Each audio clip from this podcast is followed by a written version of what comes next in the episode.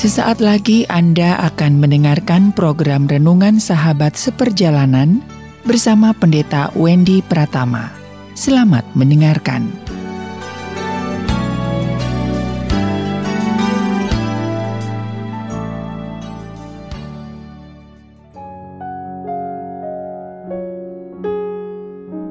Selamat berjumpa kembali di dalam layanan audio Sahabat Seperjalanan. Hari ini adalah hari Selasa 4 Januari 2022. Tema renungan dan saat teduh kita dengan judul Kebaikannya tak terhingga.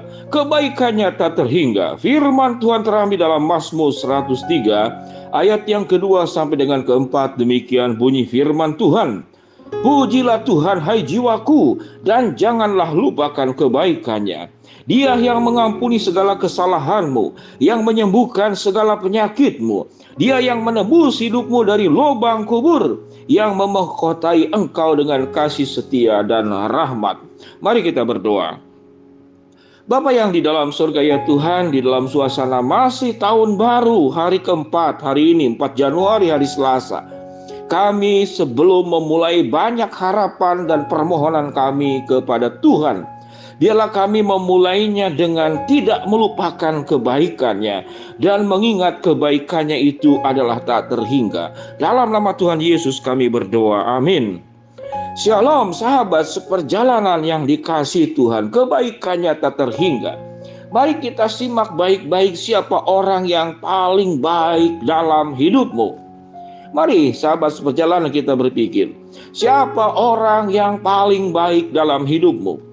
Kalau ini adalah sebuah kuesioner pertanyaan yang dibagikan kepada seluruh umat manusia di dalam dunia, lalu memberikan jawaban, saya meyakini bahwa urutan yang paling teratas orang yang terbaik dalam hidupmu adalah ibumu, bundamu, mamamu sendiri.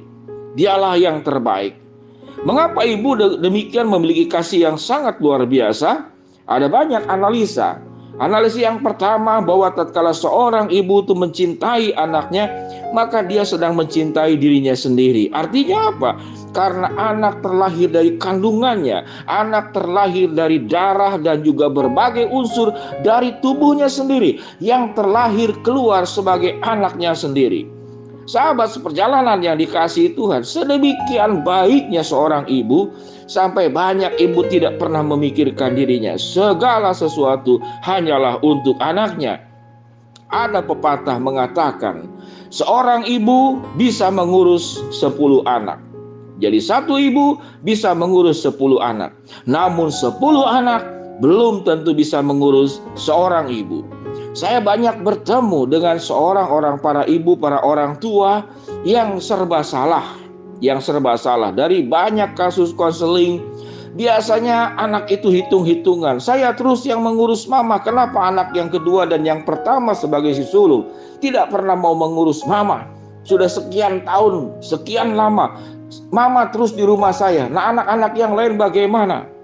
Maka kasih dan kebaikan anak itu ada batasnya. Makanya ada istilah seorang ibu bisa mengurus 10 anak, 10 anak belum tentu bisa mengurus seorang ibu. Sahabat seperjalanan, mengapa ibu begitu mencintai anaknya? Karena anaknya terlahir dari apa? Dari bagian dirinya sendiri. Allah itu menciptakan kita menurut gambar dan rupa Allah sesungguhnya.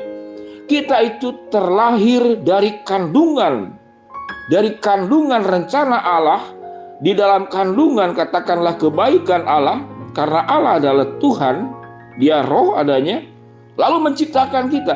Jadi kita itu bersumber dari mana asal mulanya? Kita itu bersumber daripada kandungannya Allah. Allah yang mengandung di dalam rencananya, Allah yang merencanakan kita diciptakan sebagai makhluk yang terbaik dan termulia diciptakan menurut gambar dan rupa Allah sehingga sewaktu Allah itu mengasihi kita mencintai kita maka dia sedang mengasihi dan menciptakan mengasihi anaknya sendiri. Setiap kita itu disebut sebagai anak-anak Allah sebelum kita jatuh dalam dosa. Setelah jatuh dalam dosa pun kita tetap anak-anak Allah namun kita sendiri yang melepas hak waris kita yang melepaskan diri bukan Tuhan yang melepaskan kita. Perlu diingat baik-baik.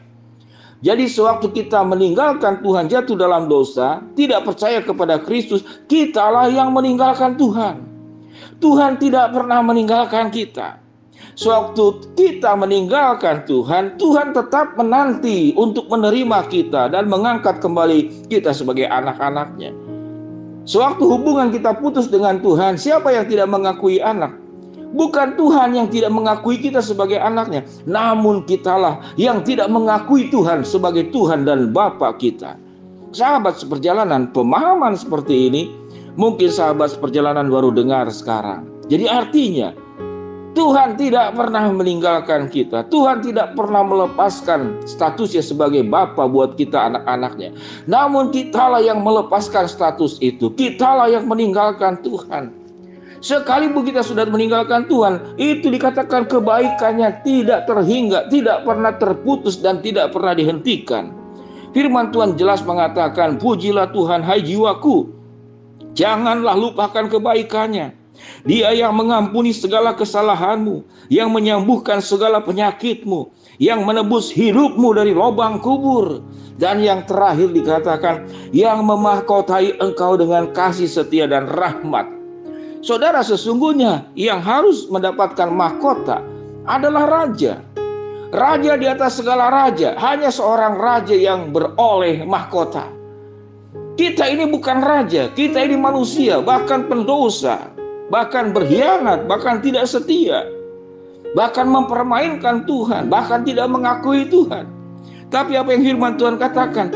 Tuhan memahkotai engkau bukan dengan mahkota emas, tapi dengan mahkota kasih setia dan rahmatnya. Kalau kita diberikan mahkota emas, kita sibuk jaga mahkota jangan sampai mencuri.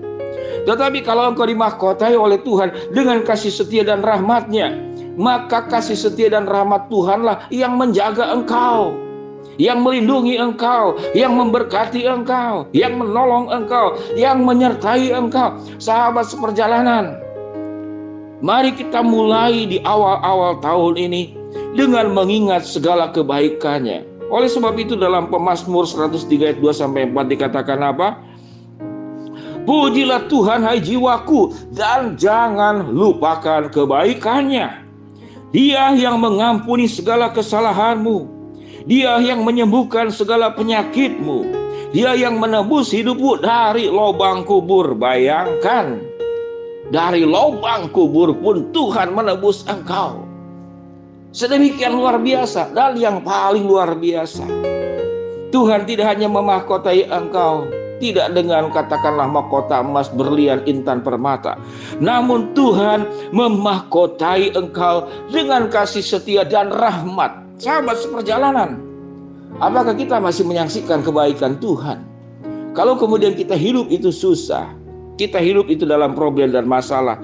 Itu bukan karena Tuhan tidak baik, bukan karena Tuhan tidak memberikan kasih setia, tetapi karena kita meninggalkan Tuhan. Kita melepaskan dari sumber kebaikan yaitu Tuhan sendiri. Mari sahabat seperjalanan mulai hari ini. Kita bertekad berjanji masih di awal-awal tahun hari ini Selasa 4 Januari 2022 Ya Tuhan, aku akan mengingat kebaikan Tuhan, hidup dalam kebaikan Tuhan, dan aku tetap lekat bersama dengan Tuhan, karena Tuhanlah sumber pertolongan yang menyertai, yang menguatkan apa pun yang engkau yang engkau minta ada di Tuhan. Kalau saya katakan Tuhan itu palu gada, apa yang lu mau gua ada?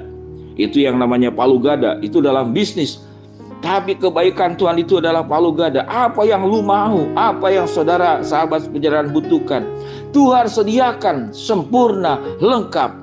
Mari sahabat seperjalanan, kita akan memulai hidup dengan mengingat jangan lupakan kebaikannya. Karena kebaikannya itu tak terhingga.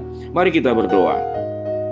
Bapa yang di dalam sorga ya Tuhan, kami memulai awal-awal tahun ini dengan mengingat kebaikan Tuhan yang tak terhingga. Biarlah hidup kami tetap melekat dengan Tuhan dan tidak terpisah dari Tuhan. Hambamu berdoa buat yang sakit Tuhan jamah sembuhkan. Yang sedang menghadapi masalah Tuhan bukakan jalan. Yang sedang memohon sesuatu kepada Tuhan. Tuhan akan kabulkan sesuai dengan waktu rencana dan kehendakmu. Dalam nama Tuhan Yesus kami berdoa. Amin. Shalom sahabat perjalanan yang dikasih Tuhan. Selamat beraktivitas Tuhan memberkati kita semua. Amin.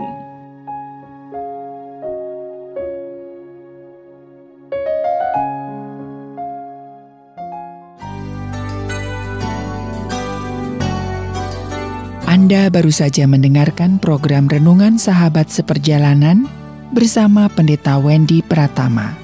Terima kasih atas perhatian Anda. Tuhan Yesus memberkati.